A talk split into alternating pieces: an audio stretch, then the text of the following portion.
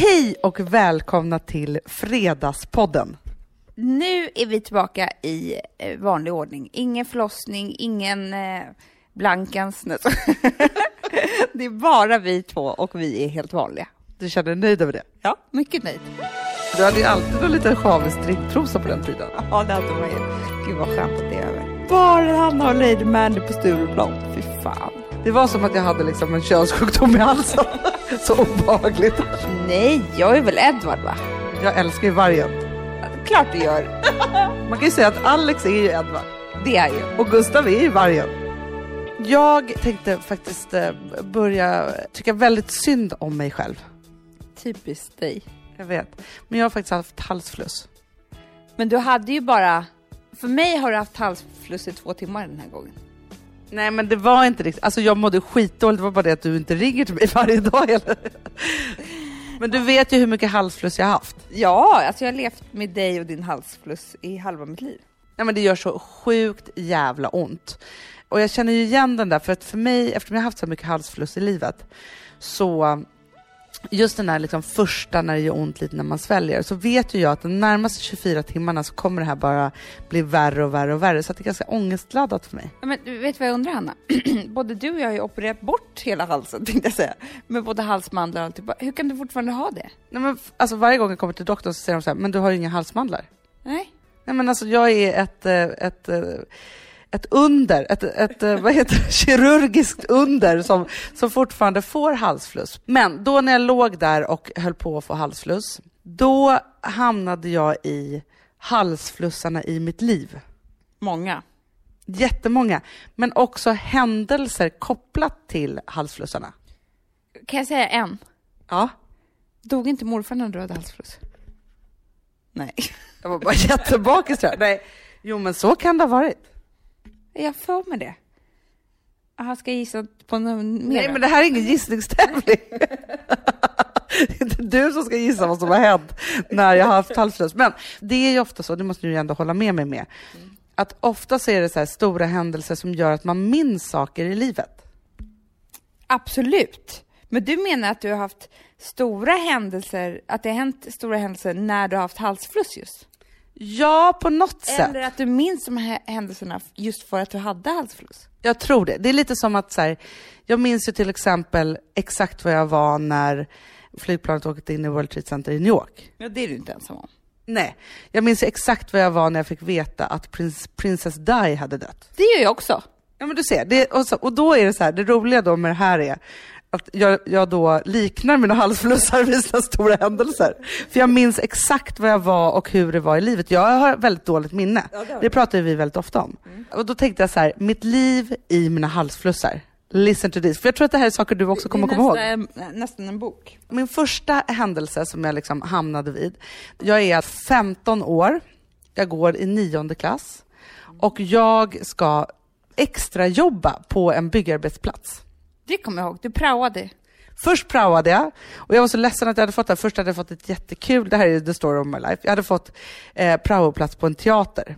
Men en vecka innan vi skulle ut på praon då, jag var så lycklig, då fanns inte den här praoplatsen kvar överhuvudtaget. Men gud vad hemskt. Nej, men då fanns det bara byggarbetsplatsen kvar för mig att gå till. Så jag grät ju över det såklart och så, här, så gick jag dit och hade så fruktansvärt roligt. Jag kommer ihåg det här. Jag kommer ihåg att jag var så här stolt lilla syster som bara, alltså min syrra är bland alla killar på en byggplats. Ja, och jag var verkligen det och det var superkul. Och det här gjorde ju då efter praon att jag då skulle jobba extra, typ om det var sportlovet eller påsklovet så. Så var jag där en dag och det var ju så här skitväder, vi jobbade ute och hade jättemycket, jag, jag gick ju dit kvart över fem på morgonen typ, gick iväg med mina snickarkläder så. Vaknar dagen efter, efter min första dag och jag känner bara, jag har halsfluss. Och nej. och bioinflammation. Alltså jag var jättesjuk och mamma bara, men du kan inte gå. Och då grät jag så mycket för att jag inte kunde gå dit, jag var så besviken. Det var en sån oerhört stor besvikelse. Det är mitt första. Sen stannar jag vid typ 20. Och då minns jag att jag var ihop med en kille, vi behöver inte säga vem det var. Alla kan, alla kan dra sina egna slutsatser, känner jag. Ja. Eh, och så minns jag hur jag fick den här halsflussen. Och jag blev också så otroligt sjuk. Så ringer jag mamma och säger bara, jag har halsfluss, du måste komma hit. Och sen så ringer jag då till den här killen. Han bara, men jag kommer hem till dig sen. Nu är jag bara ute på krogen. Jag bara, ja, men gör det så här. Vaknar upp tre dagar senare och han är inte där. Han har inte kommit. Alltså jag, alltså jag har varit i något febertecken och bara liksom inte ens tänkt på det här. Och får då veta att han har då träffat en annan tjej den kvällen. Nej, usch vad hemskt. Han träffade en annan och liksom bara försvann. Ja, och bara försvann i flera dagar. Så att jag, så här, jag kommer ihåg, jag gick upp där på morgonen och började ringa folk och typ så här, efterlysa honom och var han var någonstans. Och då fick jag bara så här, ett samtal av hans kompis som bara, ja men sist jag såg honom så såg jag med honom med den här tjejen. Och det var så här, det var något så här grisigt, jobbigt, så här festaktigt, destruktivt som jag inte hade velat vara med om. Det var bara det att det var så, det var så hemskt att ha liksom så, så här, typ somnat in i den här eh, fruktansvärda liksom, halsflussen och sen vaknat upp till det här. Och vakna upp och är så svag fortfarande och livet är liksom lite eh, skört ändå. Och så har det här hänt. Ja men det var så fruktansvärt och också så här, för jag vet också hur knäpp man är när man tänker att jag tänkte så här om jag inte hade haft fått halsfluss, om jag hade gått ut den kvällen, då kanske inte hade träffat den där tjejen och så hade det kanske varit på ett annat sätt. Åh, vad hemskt. Usch. Men sen är det klipp till eh, en annan halsflusshändelse som är lite mer romantisk än så. Men då var det så att jag var på castingresa på The Real World. Just det, MTV. Mm. Det skulle göras i Sverige och vi reste runt i, i, ja, i hela Norden för att vi skulle liksom hitta den här. Med mig på resan så var en annan kille som också var med och gjorde den här castingen. Och vi blev där någonstans på ett tak i Göteborg på ett hotell, blixtkära. Nej, det är som på True Romance. Ja, och det var alltså så här, jag minns det som att det här, den var liksom en stängd bar uppe på ett tak. Så vi tog oss upp där och tog oss över något staket och så här. Du hör ju hur, hur romantiskt det är. Och där bara så här, hånglade vi och allt var så härligt. Och jag, jag var då faktiskt typ ihop med den här dumma killen som, som jag berättade om precis här innan. Det var liksom så väldigt försiktigt. Det var inte så att jag liksom eh, drog på några grova växlar här, utan det var så här, men det var ändå härligt. Vi blev jäkligt kära. Och sen blev vi då osams på grund av att jag hade den här andra killen, han skulle åka hem och liksom så. Men och han åkte hem tidigare än mig och jag hade typ så här Växjö kvar. Mm -hmm. Så jag åker till Växjö, vaknar upp där och har sån jävla halsfluss, såklart. Men Hanna, för det jag måste säga om eh, eh, det jag minns av eh, alla dina halsflussar, det är ju att du har ju fått halsfluss så fort du har kysst en ny kille. Exakt, så det var ju det. Jag kunde ju inte dölja några, några hemlighetskyssar här inte. Du fick ju alltid det. Det var så här, oj, nu kom det en ny bakterie i min mun. Jag, jag får halsfluss. Exakt så var det. Det var, liksom, det var som att jag hade liksom en könssjukdom i halsen. så obehagligt. Kanske du hade. Könsstreptokocker. Halsgonorré. Usch vad äckligt. Ja, I vilket fall som helst, ska jag berätta den här härliga historien.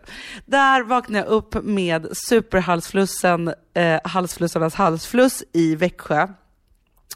Och då ringer hem och typ så, alltså gråter, får tag på honom, alltså den här, den här eh, killen som jag hånglat med på taket.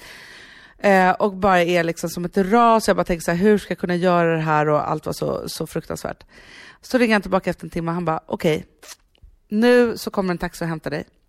Flyg hem till Arlanda.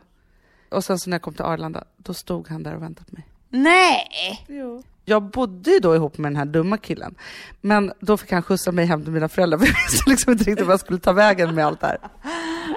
Ja, tur. Men han var en snällare kille. Ja, men det var han ju. Eller jag vet inte om han var det. Vi hade någon lite så sporadisk, härlig liksom, hångelrelation. Vi tyckte väldigt mycket om varandra och han var väldigt kär i mig där och då. Och jag var nog väldigt förtjust i honom också.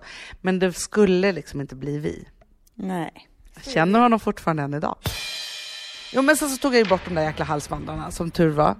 Och sen, Amanda, så fick inte jag det på tio år. Men mitt i liksom min jobbigaste, jobbigaste period i skilsmässan, när jag var som mest ledsen och trasig, då kom den här halsflussen tillbaka. Och då hade jag det tre gånger på raken. Nej. Jo, så jag tror att det är så här, när jag då tänker på de här halsflussarna så är det, det är lite som med migränen, fast ännu ja, värre. Det är precis det jag tänkte säga, att jag tror att det här är väldigt eh, psykosomatiskt. Jaha, inga bakterier alls? Nej. Eller Alltså, så är det bara väldigt känsligt just då, så du kan, alltså, så bakterierna, du tar till dem väldigt lätt. Jag tror att det är det. Att det är så här, när jag är som mest utplånad, liksom. alltså när jag är så svag och så, då bara angriper de. Det är det jag tror. Och nu med Vilmas dagisbasilusker, då är det så här, ingen annan har haft halsfluss i min familj. Men om jag går förbi en sån bakterie, då får jag ju det. Ja, exakt. Den, om den bara finns på gatan.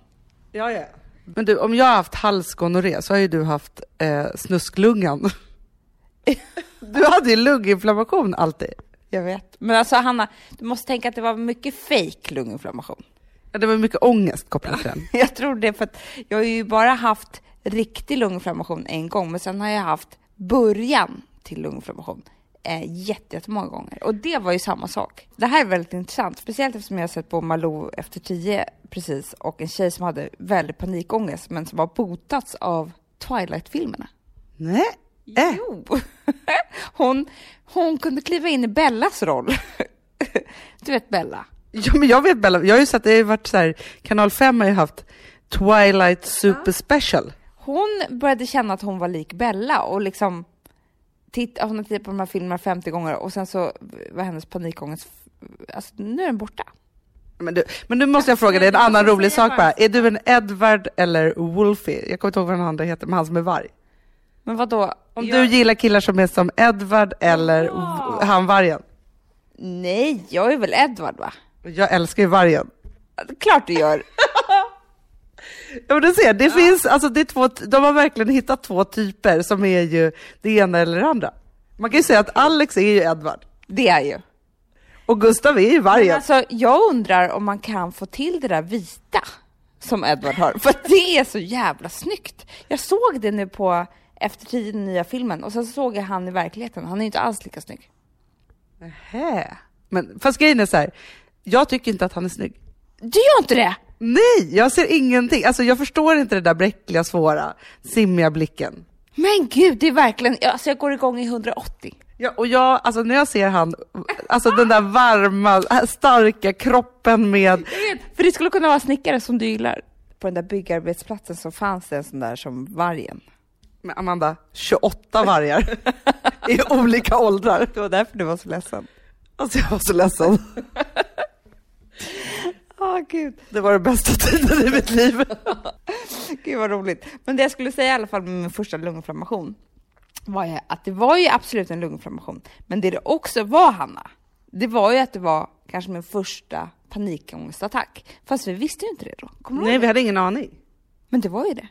Ja, det var verkligen det. Men alltså, så för dra, vi var då på Gotland och vi skulle gå på en fest med våran pappa. På något sätt. Ja. Ja, eh, så.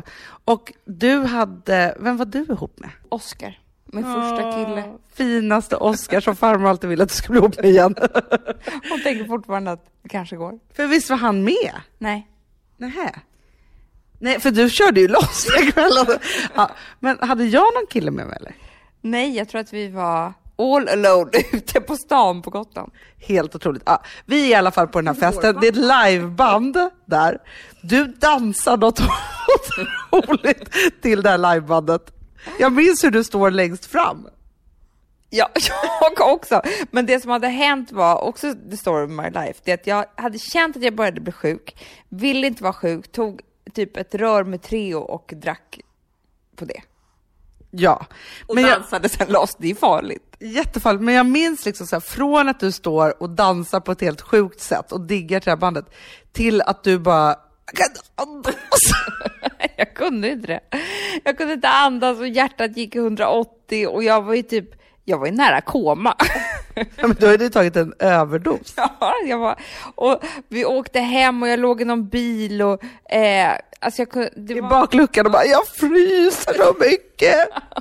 Sen kommer vi hem i alla fall. Du och jag ligger i samma säng den här natten.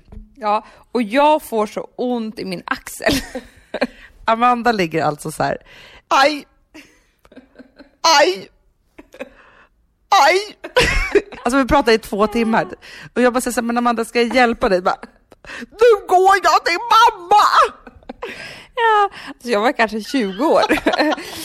och då i alla fall så körde mamma mig in till akuten. Hon fattade i alla fall att någonting, hon har ont. flickan. Jo men det fattade jag också. Men, och då när du, när du åkte in till akuten och mamma ringde och bara så här, hon har nog lunginflammation, då fick jag jätteångest. ja, men då var det så intressant, för då ränkade de mig. Om man har så ont i lungan, till exempel, då är kroppen så smart. För att skulle jag ha ont där på det sättet så skulle jag, det göra för ont. Så då bara transportera smärtan någon annanstans, till axeln till exempel. Så det var därför du låg där. Aj! Det som jag minns väldigt väl, som är ett sjukt att jag minns det här, för det här är ju väldigt länge sedan. Det var precis innan ni skulle åka, du bara, jag måste byta trosor. Du fick ångest för att du hade liksom för sexiga trosor. Nej, Jo! hur kan du minnas? Nej, men alltså, det sitter som fastpräntat i mitt huvud. Men Vadå, jag hade klätt på mig spets för att gå på fest eller? Nej, men du hade ju alltid någon liten sjavig stringtrosa på den tiden. ja, det hade man ju. Gud vad skönt att det är över. Verkligen. Obekvämt. Ja, men sen gick det ju bra i alla fall. Ja, men sen, jag tror att jag blev så rädd för den där hä- händelsen och det satte väl igång någon så här panikångestattack. Så sen så hade jag lite alltid lunginflammation i flera år. Ja, det hade du. Så vi kallade ju dig för lungan länge. Ja.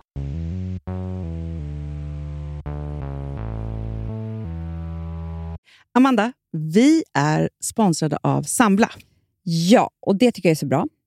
För att just också i dessa tider, Hanna, men Mm. oavsett, så är det ju jätte, jättesvårt det här med lån och långivare och vad man ska ha, liksom vad man ska kräva och vad som är bra och dåligt och alltihopa. Och då, men Sambla, Hanna, de kan allt. Ja, Alltså, Alltså, allt om det här. Sambla är en personlig jämförelsetjänst för lån och de alltså, jämför upp till 40 långivare, vilket hade tagit otroligt lång tid och jättemycket energi om man skulle göra det här själv. Mm. Och De hjälper ju dig som kund liksom, att jämföra dina långivare. Ja, men det är precis det de gör. Och de erbjuder personlig hjälp med låneansökan. Det tycker jag också väldigt mycket om. det är så bra. Eh, så att oavsett om du behöver hjälp en kort stund eller om du vill ha en guidning genom hela låneprocessen så kan du vända dig till Sambla. Och du vet, Sambla är alltså branschens, har ju branschens nyaste kunder. Fem stjärnor och 24 000 omdömen på Trustpilot. Då har man gjort ett bra jobb kan man säga. Mm. Så är det. Hörrni, in på sambla.se och ansök. Vi har ett betalt samarbete med Syn nikotinpåsar. Det här meddelandet riktar sig till dig som är över 25 år och redan använder nikotinprodukter. Syn innehåller nikotin som är ett mycket beroendeframkallande ämne och Syn kommer i olika smaker, styrkor och format. Nu lanserar Syn en helt ny smak inom mint. Syn Slim Cool Frost, som har en tydlig smak av kylande pepparmint och mentol. En långsmal helvit prilla. Och enligt 90 procent av 366 vuxna konsumenter så har den en långvarig smak. Läs mer på niko.com och klicka in på Syn. Och glöm inte att slänga din tomma dosa i plaståtervinningen. Woof! ja, det var kul. Mm, jag är lite mer så här, ja, det, man måste, när, när man pratar, alltså vi sponsrar Prima Dog och när man pratar med den där, jag känner så att alla woofande måste vara med. Det finns ju de som säger ruff, ruff, och så finns det ruff. Alltså, det, det finns Det många... här är mera Fonzie. Han, han skäller inte så mycket, men han låter så här... Han har så, sån. eller hur? Så, Va? ja, det har han faktiskt.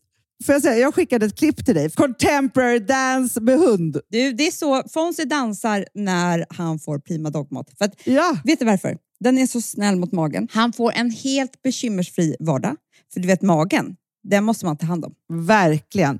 Nej, men så här, och Prima Dog har ju torrfoder, våtfoder, godis och tugg i sortimentet. Alltså tugg så här som de skulle hålla på att tugga på. Det är, faktiskt, det är Fonzies favorit faktiskt. Tugget. Ja, men han har ju också börjat älska våtfoder. Det Han skulle jag det också kanske tycka var go- Ja, gott. men jag, jag förstår honom faktiskt. Men det är alltså vetefria produkter med mycket kött. Och det är det som jag tror är så bra. Produkterna finns ju online, i välsorterade djuraffärer och i dagligvaruhandeln. Alltså jag skulle vilja att du och Fonzie lär er contemporary dans. Det var ju som agility fast med dans. Mm, ja, ja, vi ska Ah. göra det. Vi, jag tror att Prima Dog kommer vilja ha oss som ansiktet utåt Ja, men det är det jag känner. reklamfilm. Ni dansar er fram till... Alltså för deras, jag älskar ju deras eh, liksom tagline och det är Taste of Nordic Happiness. Och liksom, Då måste dansen vara med. Ni kan gå in och läsa mer på primadog.se och snart se mig och Fonzie i en dans på en skärm nära er. Underbart!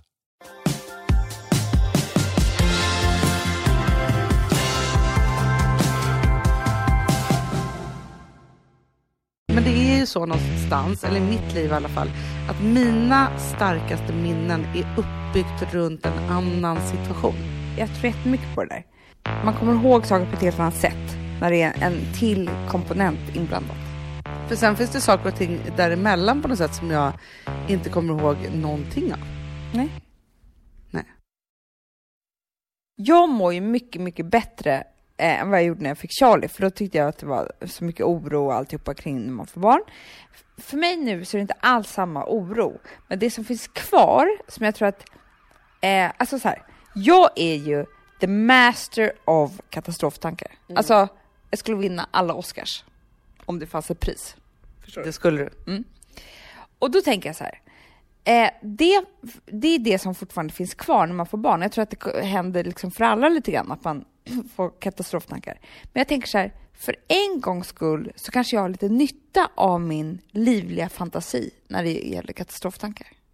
Hur tänker du då? Jo, jag tänker att det är bra eh, att det är ett bra verktyg som mamma att kunna förutse de mest konstiga situationerna med sitt barn. Ja, jag både håller med dig och håller inte med dig. Ja, men jag menar med bebis, med spädbarn.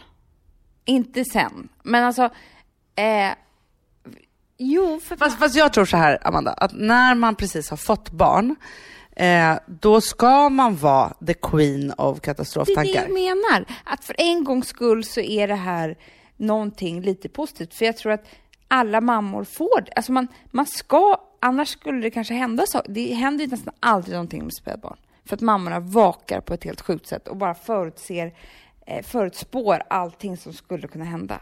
Man kan säga att nu, just nu så är du i ditt rätta element. det är det jag säger. Alltså, Är det det du säger? ja.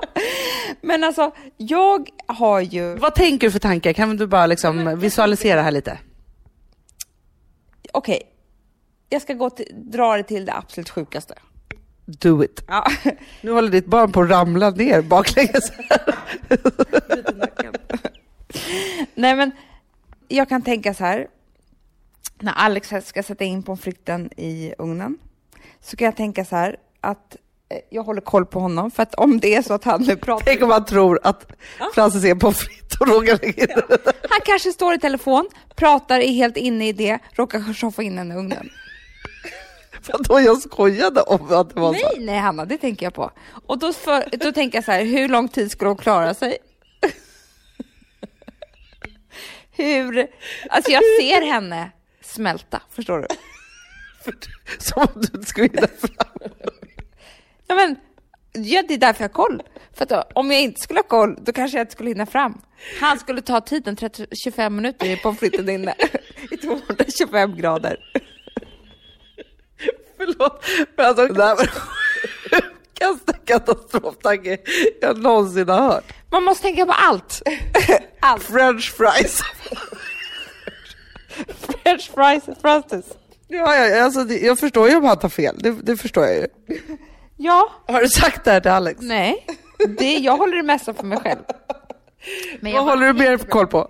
Jo, men i natt till exempel, då så eh, satt jag och ammade henne i mörkret och så tyckte jag att jag liksom hade ett armband som, som roff, alltså så att det blev liksom ett litet, inte ett sår, men så här på hennes huvud att det liksom, förstår Ett du? gnugg. Ett gnugg.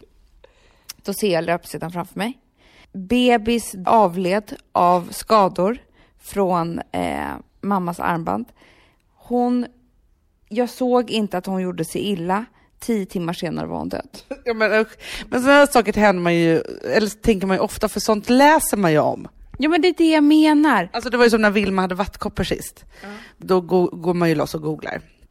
Och då är det så här, de åkte in, hon hade lite feber, tre timmar senare var hon död, läkarna missadevattkopporna. Ja, exakt så. Det är ju så hemskt. Alltså jag tänker också så här, man tänker alltid löpsedlar, eller hur? Gjorde också det? Ja. Bebis avled av alkogel. Att jag har tagit på mig för mycket. och hon kanske har fått några droppar i munnen som, du vet, ingen visste var farligt. Nej, men det är hemskt det där. Men du vet du en sak? Jag tänkte mycket på sådana här saker, eller alltså jag gör ju det också hela tiden. Men framför allt så hade jag ett sätt att bota det här. på. Ja, men då tänkte jag så här, okej, i Cityakuten, Ja. Där hittar de ofta bebisar i lådor i containrar. Ja, det är sant. De överlever. Ja, det är sant. Sen har jag en tanke till. Ja. Det finns mammor som går på crack, som föder crackbebisar som avgiftas och sen lever ett bra liv. Du skämtar. Eller bra liv, jag inte. De blir så lyckliga. Och mest hälsosamma av oss alla. Exakt. Nej men det finns ju extrema, extrema situationer där det har gått bra. Och då tänker jag så här, för jag är ju bara en vanlig mamma med alltså, helt vanliga förutsättningar och det är liksom okej. Jag intervjuade en gång en kvinna, gjorde en dokumentär som aldrig sändes, jag vet inte varför. Men hon hade alltså under sin graviditet, så hade då pappan till barnet, som hon inte levde tillsammans med, kommit hem och huggit en kniv rätt in i hennes alltså, stora Mage. gravidmage. Nej, Både hon blev ju helt kniv, knivskuren och bebisen i magen. nej, Och när jag träffade dem, då var han sex år. nej. För du, det tänkte jag precis nu när jag gick med Frances, French Frances till eh, eh, och stoppade in en i diskmaskinen så tänkte jag så här, det här är typiskt. Jag bara råkar tappa henne på knivstället. Ja men jag fattar. Men, Men, också, det, men liksom, och det här är ju inte trevligt att hålla på med. nej, men det är inte ett dugg trevligt. Men jag tror att så här, en viss del av den här är livsnödvändigt. Ja men det är det jag tror också. Och det är det jag försöker säga till mig själv att när jag bara blir irriterad på hur jag håller på så tänker jag så här, eh, nej, jag vinner VM i att eh, hålla koll på mitt barn. Ja. Däremot så är det ju så att man får ju hejda sig. Alltså det är som, alltså som nu till exempel när Rosa är då i liksom någon form av utbrytningsfas i livet. Hon, liksom gör, hon frigör ju sig från mig jättemycket. Ja, och då är, får jag ju hålla mig i schack som tusan för att inte förstöra henne. För jag, alltså varje dag när, hon då, när vi säger så här, hej då, så säger jag så här, gå försiktigt till skolan nu. Ja, men då hinner jag ju tänka allt från Anna Nio som försvann i Göteborg förra veckan. Eh, till bil, eh, läskiga bilar och liksom alltihopa. Och då tänker jag bara så här, jag kan inte överföra det här till henne. Jag får tänka de här sjuka tankarna Det är själv. det jag tror Anna, man får tänka allt det här men man kan inte utöva det. För det är då det blir sjukt. Skulle du däremot alltså, behöva bota det här på riktigt, då skulle jag föreslå att gå in och läsa statistik. Jaha, nej men Hanna, Nej men för då skulle du tänka så här, det är omöjligt att det kommer hända. fast Hanna, du pratar alltså med en person som är hypokondriker. Alltså det där gäller inte på mig. Det, för det, det är så här, jaha, men då blir Du är mitt där, i statistiken. Ja, då blir jag den där 0,01 procenten. Mm. Så att, eh, nej men jag tror bara så här, det här går ju över.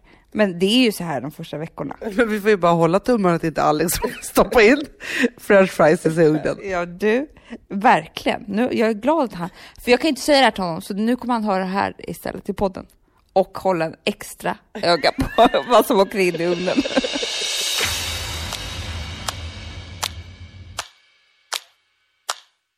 Vi håller ju på här nu och lever mitt i liksom, det sociala medieklimatet kan man säga. Verkligen. Ja. Och så tänker man ju det att det är inte bara vi som gör det som är så vuxna och håller oss på vår kant och, och, och så, utan det är ju en hel värld som lever i det här. Ja, I alla åldrar. Men verkligen ner i åldern också. Ja, och då tänkte jag på så här. Hur skulle ditt och mitt liv ha sett ut om alla sociala medier hade funnits när vi var 20? Det är min största mardröm. Alltså det är en katastroftanke för mig. att tänka på att det kunde varit så. Ja men det är det för mig också, för jag tänker så här, om, man tar då så här copy-paste på det livet som jag hade mellan 20 och 25, säger vi, eller mellan 18 och 25. Och så skulle vi tagit det och sen så bara klistrat in det över alla sociala medier. Men det är så obagligt. Alltså jag tänker på, kommer du ihåg det här som heter Hell's Kitchen? Det hette köket en gång i tiden. Oj, oj, oj. Alltså det var ju så jävla coolt. Där hängde jag ju mycket, torsdag, fredag, lördag typ. Var ju alltid så här halvt naken. Tubtopp. Tubtopp som gärna fick åka ner utan bh. Alltså jag, jag var helt eh, knäpp i huvudet. Men jag hade också en dans. Jag eh, hängde i de här bjälkarna typ. Men förstår du hur många YouTube-klipp det hade funnits på den här dansen? Alltså, jag, jag är så glad för varje människa som jag möter som inte var där och såg mig. Men Amanda, bloggen. Amanda Vidells 20-åriga blogg, vad hade den hetat? eh, Lady Mandy Pandy Showy Dancy. ja, det hade ju varit så här Lady Mandy, Queen of Stureplan typ. Ja men så hade det ju varit. Nästan något sånt där helt jävla sjukt i huvudet. Eller hur? Ja, men alltså grejen är så här, för, för jag, jag levde ju ett lite så här offentligt liv då, jobbade på Veckorevyn, sen så jobbade jag med tv och sådana saker. Jag hängde på G-klubben, för alla som inte vet vad det var så var det en otroligt ball klubb. Där var alla man överhuvudtaget ens ville träffa, alla coola rockband, alla mediaprofiler, alla så, både fredag och lördag varje helg. Och så otroligt mycket droger. Men supermycket droger och supermycket sprit och vi var ofta utklädda och vi hånglade till höger och vänster. Jag hånglade med flera killar varje kväll. Och jag hängde ju jättemycket med eh, rockbandet Kent. Det som jag funderar jättemycket på då, Amanda, var så här, att de var ju så här, man fick inte göra fel och de, de drog ju aldrig ens på smilbanden för att de skulle vara så oerhört coola. Och då tänker jag bara, alltså jag hade ju varit deras största hot. Du hade lagt upp bilder i bloggen. Twittrat och kvittrat och hållit på. Men tänk bara fylleinläggen när man kommer hem från krogen. Eh, Men alltså, ja, men gud ja. Men ännu värre tror jag är Twitter. För det hade man ju kört på krogen. Men det var ju ett problem bara att, att, att, vi började, att man kunde börja smsa. Att vi pratade om så här, don't drink and dial. Då hade det varit så här, don't drink and be social on media. Ja men det fanns ju inte ens så man kunde ta kort med mobilen. Nej! Man var ju tvungen att ha med sig en kamera ut om det skulle finnas bevis. Nej men alltså, tänk alla som hade taggat och fotat och så på de efterfesterna jag hade. Ja men framförallt så tycker jag också att det var, hade varit så här. Nej, det hade inte varit kul att ställa upp Stureplan och så hade jag varit på varenda fest, på varenda sån här mingelbild. Ute varje kväll. På alla ställen. För man hade ju alltid en jakt också på någon jävla kille. Så man inte visste var han var någonstans också. Så man hann ju gå till fem eh, klubbar på en kväll. Och då skulle det tagits en bild på en på alla de här klubbarna. och, och det hade ju inte alls, alltså Fast vet du vad som hade hänt nu? Nu måste jag ge dig en insikt i det här. Du hade inte gått till fem ställen för du hade vetat vilket ställe han var på. Ja, På Instagram typ. men han hade ju inte klok. Det är klart jag hade. Jag kände faktiskt det häromdagen när jag gick ut genom dörren. Så kände jag så här. Gud vad skönt det vore om jag gick utanför dörren idag, tisdag, och inte visste vad varenda jävel håller på med idag. Alltså, inte visste vad alla hade på sig eller åt för lunch eller helt ovetande bara, kanske jag bara bokat en lunch med någon och faktiskt har riktiga saker att fråga min kompis och inte bara så här, jag vet redan allt för jag har sett det på Instagram och har följdfrågor. Förstår du vad jag menar? Ja, men jag förstår, för, jag har ju förflyttat positionerna här. Istället för att vara så här, gud hur mår du och ta reda på. För det här tänker jag också ofta på att, att jag berättar ju friskt för alla vad som har hänt mig i mitt liv. Och så ser jag ju på dem ibland att de vet redan det här. Det är som att jag är dum i huvudet och berättar det för andra gången liksom. Ja, men det jag menar det att det har blivit, istället håller vi på med följdfrågor på det vi redan har sett när vi umgås med folk. Ja, först så kan man ju tänka sig att eh, Facebook var Guds gåva till kärleken. Men så tänker jag så här, nej, jag tror jag ångrar mig där. Nej, jag ångrar mig helt. Nu när jag födde barn så hade jag en paus från sociala medier, typ på en vecka. Det var rätt skönt. Alltså, inte att jag inte själv höll på med det, utan att jag inte visste vad alla andra gjorde. Det var rätt skönt. Men det är ju något som håller på att hända nu. Jag älskar ju bloggen såklart. Det är, det är mer liksom att man, man publicerar olika saker och så. Och sen så tycker jag att Twitter är kul, jag tycker Instagram är kul. Men däremot har jag tappat det för Facebook. Ja, men jag har aldrig varit på Facebook. Men jag tycker bara att jag tror mycket på podden. För att det som känns, jag känner i alla fall det som är, som, som du också, som vi publicerar oss själva hela tiden. Det är att det här tycker jag är det skönaste stället att vara på. Här kan jag prata helt fritt om allting och jag kan dela med mig utan för ångest eller men i blogg och Twitter och det där är på något sätt, för det är så mycket svårare att ge en verklig bild. Ja, men du har faktiskt helt rätt i det. Men framför allt så känner jag bara att det, att jag med min personlighet hade inte alls, eller, eller jo, jag med min personlighet hade ju gett alla en jäkla härlig resa på 90-talet i sociala medier. Men vem hade du varit? Vad hade din blogg hetat? Men alltså jag vet ju också att jag hade ju förmodligen varit med, eh, om jag hade varit lite yngre när dokusåporna kom, kom, varit med i baren. Så jag hade ju varit baren-Hanna. Bara Hanna och Lady Mandy på Stureplan. Fy fan.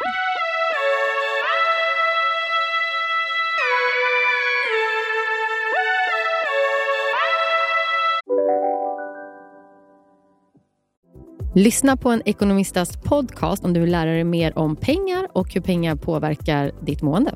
Med mig Pingis. Och med mig Hanna. I samarbete med Nordax Bank. Hej, Synoptik här. Visste du att solens UV-strålar kan vara skadliga och åldra dina ögon i förtid?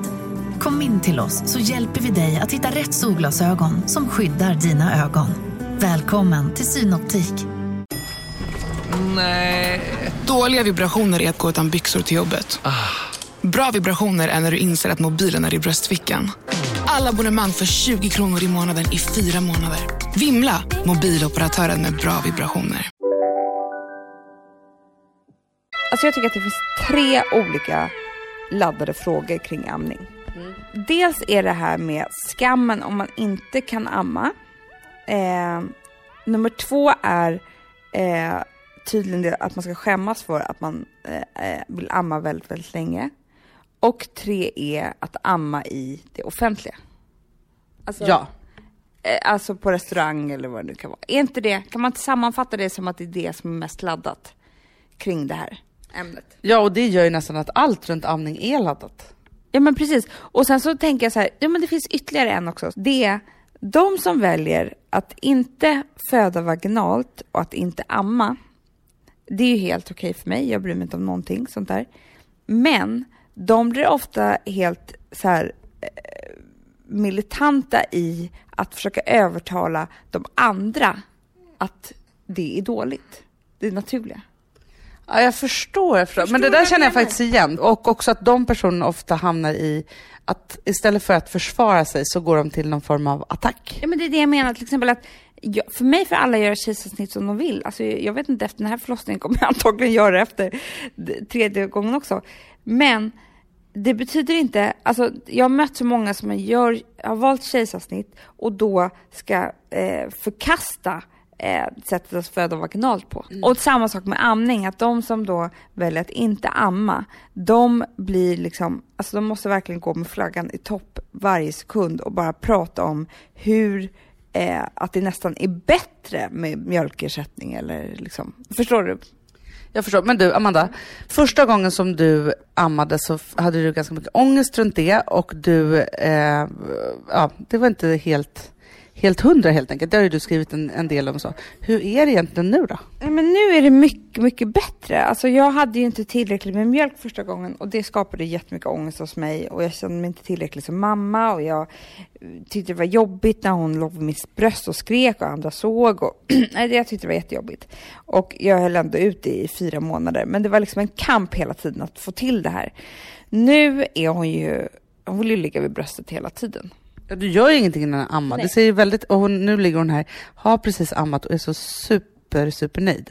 Ja men det är underbart. Men det var en kväll precis när är bröst, eller när mjölken höll på att rinna till som det blev någon slags blockering så det kom liksom inte ut något. Alltså jag vet inte, det kanske är vanligt. Och då började hon skrika på det här sättet, hon låg på bröstet och skrek. Det kanske handlade om en timme här med Frances. Jag fick tillbaka den där ångesten och bara kände så här, nej nu kanske det börjar igen, du vet, det här. Men det gjorde inte det och jag var så glad för det. Och nu går det jättebra och jag bara håller tummarna att det kommer gå jättebra hela tiden. Och jag skulle gärna amma länge. Men jag, jag känner mycket för dem som inte kan amma riktigt och som bara har också de här amningspoliserna som säger så här, man ska amma sitt barn i ett år annars, du vet, det finns så många, alltså folk tycker så mycket om det här. Ja, men jag vet och jag har aldrig egentligen tyckt någonting om det. Alltså jag är en stor ammare. Men jag, vet du vad jag tänker Hanna? Är det för att du har, du har så stora bröst också så finns det så mycket mjölk? Men jag tror det, fast jag tror inte att det egentligen du har är... fortfarande mjölk i bröstet. Nej men jag har det, massor. Du har ju det! Nej men den tar aldrig slut. Nej, det är det jag säger, du skulle kunna jobba som amma. Hur lätt som helst. Men alltså, nu har jag extra mycket för att eh, Frances har kommit också. Alltså det är det. Jag har varit skengravid nu i nio månader och nu har jag precis också börjat amma igen. Mjölken har runnit till. Nej men det som har varit min eh, grej är att, alltså visst det gör ju skitont precis i början när man börjar amma. Liksom i eh, bröstvårtorna. Det är ett jäkla gissel. Men framför allt, och det är super, super lyxigt, så har jag, jag har ju sjukt mycket mjölk. Och det som svämmar över. Och Rosa ammade jag ju tills hon fyllde två. Vilket folk är, alltså jag minns ju när jag var en gång på, på apoteket och så ammade jag henne och då var hon ganska stor. Var en tant som bara skrek till mig att det var det äckligaste hon någonsin hade sett. Ja, jag kommer ihåg det. Då blev jag så arg på mig själv efteråt att jag inte sa så här, men du kanske är det äckligaste jag har sett. För jag tror just det här att om man inte haft något problem, om man bara har massa mjölk och så här, så, eh, så bryr man sig inte så mycket om det. Nej, Jag tänker inte så mycket på det, men däremot, vet du vad jag faktiskt har tänkt på? För Rosa ammade jag tills hon fyllde två. Och nu är inte alls det här någon mening att jag ska ge någon ångest, men det här är någonting som jag själv har gnagt lite i mig. Och peppar, peppar, peppar, peppar, ta i trä. Men Rosa, alltså hon är aldrig sjuk. är det sant? Hon, alltså, nej, hon är inte sjuk. Vilma slutade jag amma när hon var ett år och tre månader för att jag verkligen bestämde så här, nu ska jag göra på något annat sätt och jag ska göra ett aktivt val här så att hennes pappa kommer in och så vidare. Så här. Och hon är jättemycket sjuk. Jaha. Men, äh, men ett år, och det är ändå lång tid också. Hon borde ändå fått sin del. Ja, Men jag tänker det här första året på dagis, då hade Rosa hela tiden det här amningsskyddet. Ja, det är för sig sant. Det har inte Vilma. Det är sant. Men det kanske inte alls är så, det kanske bara är liksom i min hjärna. Eh, men jag har i alla fall tänkt på det. Ja, det är sant. Vi som har varit på båda sidor om amningen, så kan jag säga att det som jag kommer sakna lite med, eh, om, jag, om jag skulle nu amma nu i, i liksom två år, är att Alex fick en sån himla fin roll till Charlie för att han kunde hjälpa till och mata så tidigt med flaska. Men nu har jag faktiskt köpt en pump. Så jag ska pump, sen ska jag pumpa ut så han kan ge ett mål om dagen. Men det är ju bra. Men vet du, så, jag tror inte att det är där det ligger. För att, alltså, jag bestämde mig för att jag skulle sluta amma för att Gustav skulle kunna ha lättare att lägga Vilma på kvällarna och så här. Hon, hon vill absolut inte att hennes pappa ska lägga henne, för hon ska tota. Hon ska fortfarande tutta. Hon ska hålla i min bröstvårta. Så att grejen är, och de har en jättefin och nära relation, det är ju inte det. Men jag tänker bara så här att, att amma sitt barn, om man kan göra det, är jättefint och fantastiskt på alla sätt och vis. Om man inte kan göra det, då hittar man andra sätt att ha det där härliga och fantastiska på. Alla gör sitt bästa på sitt sätt och allt är värt lika mycket. Ja men verkligen. Och det var så en underbar läkare som som eh, jag träffade när jag, och så, du vet, jag ljög ju för folk också. Nej men det går jättebra att amma och hit och dit, för man skäms så mycket. Men till henne sa jag i alla fall att det går inte så bra. Och då så sa hon till mig, nu slutar du försöka amma. Du ska inte sitta där med ångest med ditt barn när hon skriker. Det kommer bara ge er massa dåligt. Bättre att hon blir mätt. Och så, nu slut. Hon sa till mig verkligen på skarpen. Det var så himla skönt eh, att ha någon som gjorde det. Och så här styrde i allt det där. Ja, men alltså så här, närheten handlar ju inte om ammandets vara eller icke vara, utan det handlar ju bara om att man är nära och ser varandra och ser sitt barn och alltihopa. Men verkligen. Sen tänkte jag bara på det här med ammar i det offentliga. För du och jag gjorde en intervju igår med tre killar. Det gjorde vi. Och Ja. oj vad du visade. De, alltså jag tror att de älskade det för du visade ju tuttisarna hela tiden. Ja, jag bara tog fram en tutte och började amma och hit och dit. Och det jag kom på då, som jag tror att så här, folk kanske stör sig på på restaurang. Folk, folk, folk stör sig på att de får se tuttar hit och dit. Eh, men det jag tror, jag tror som är kraschen mellan de som tittar och de som ammar, det är att när jag tar fram min tutte och ska amma mitt barn, då ser inte jag att min tutte är en tutte det, är, det är som att ta fram en nappflaska. Ja, men jag känner inte överhuvudtaget att det finns någonting som är sexuellt eller naket eller... Alltså man gör inte det. Man är helt i en annan värld. Och den som sitter där och iakttar ser tutten på ett helt annat sätt. Det är klart att det blir en krasch. Ja men såklart. Men däremot så tror jag också att, att om vi ska kunna acceptera det så kanske man måste se det som en nappflaska och inte bli så störd. Jag menar det, för det är ju nappflaska just då. Låt oss bara ha våra nappflaskor. Låt nappflaskorna vara så att flera eh, bebisar får tutta offentligt. Mysigt. Jättemysigt. Hörni, apropå mysigt så är det ju fredag. Så ha en underbar fredag och en, och en fantastisk helg. Vad ska du göra, Hanna? Eh, och vet du faktiskt, det är så här att min kille ska bort. Eh, så skönt. Nej, men det är bara jag, Vilma och Rosa, i alla fall från lördag till söndag. Så jag tycker att vi ska ha världens skönaste och mysigaste tjejhäng. Gud vad mysigt. Ja, vi får se. Vi kanske vågar ge oss ut på lunch igen. Fy, den här fyra, eh, tvåbarnsfamiljen. Allting vi gör just nu är lite så här läskigt men roligt. Vi ses igen, och, eller vi ses inte, vi hörs nästa vecka. Det gör vi. Puss och kram. Hej då!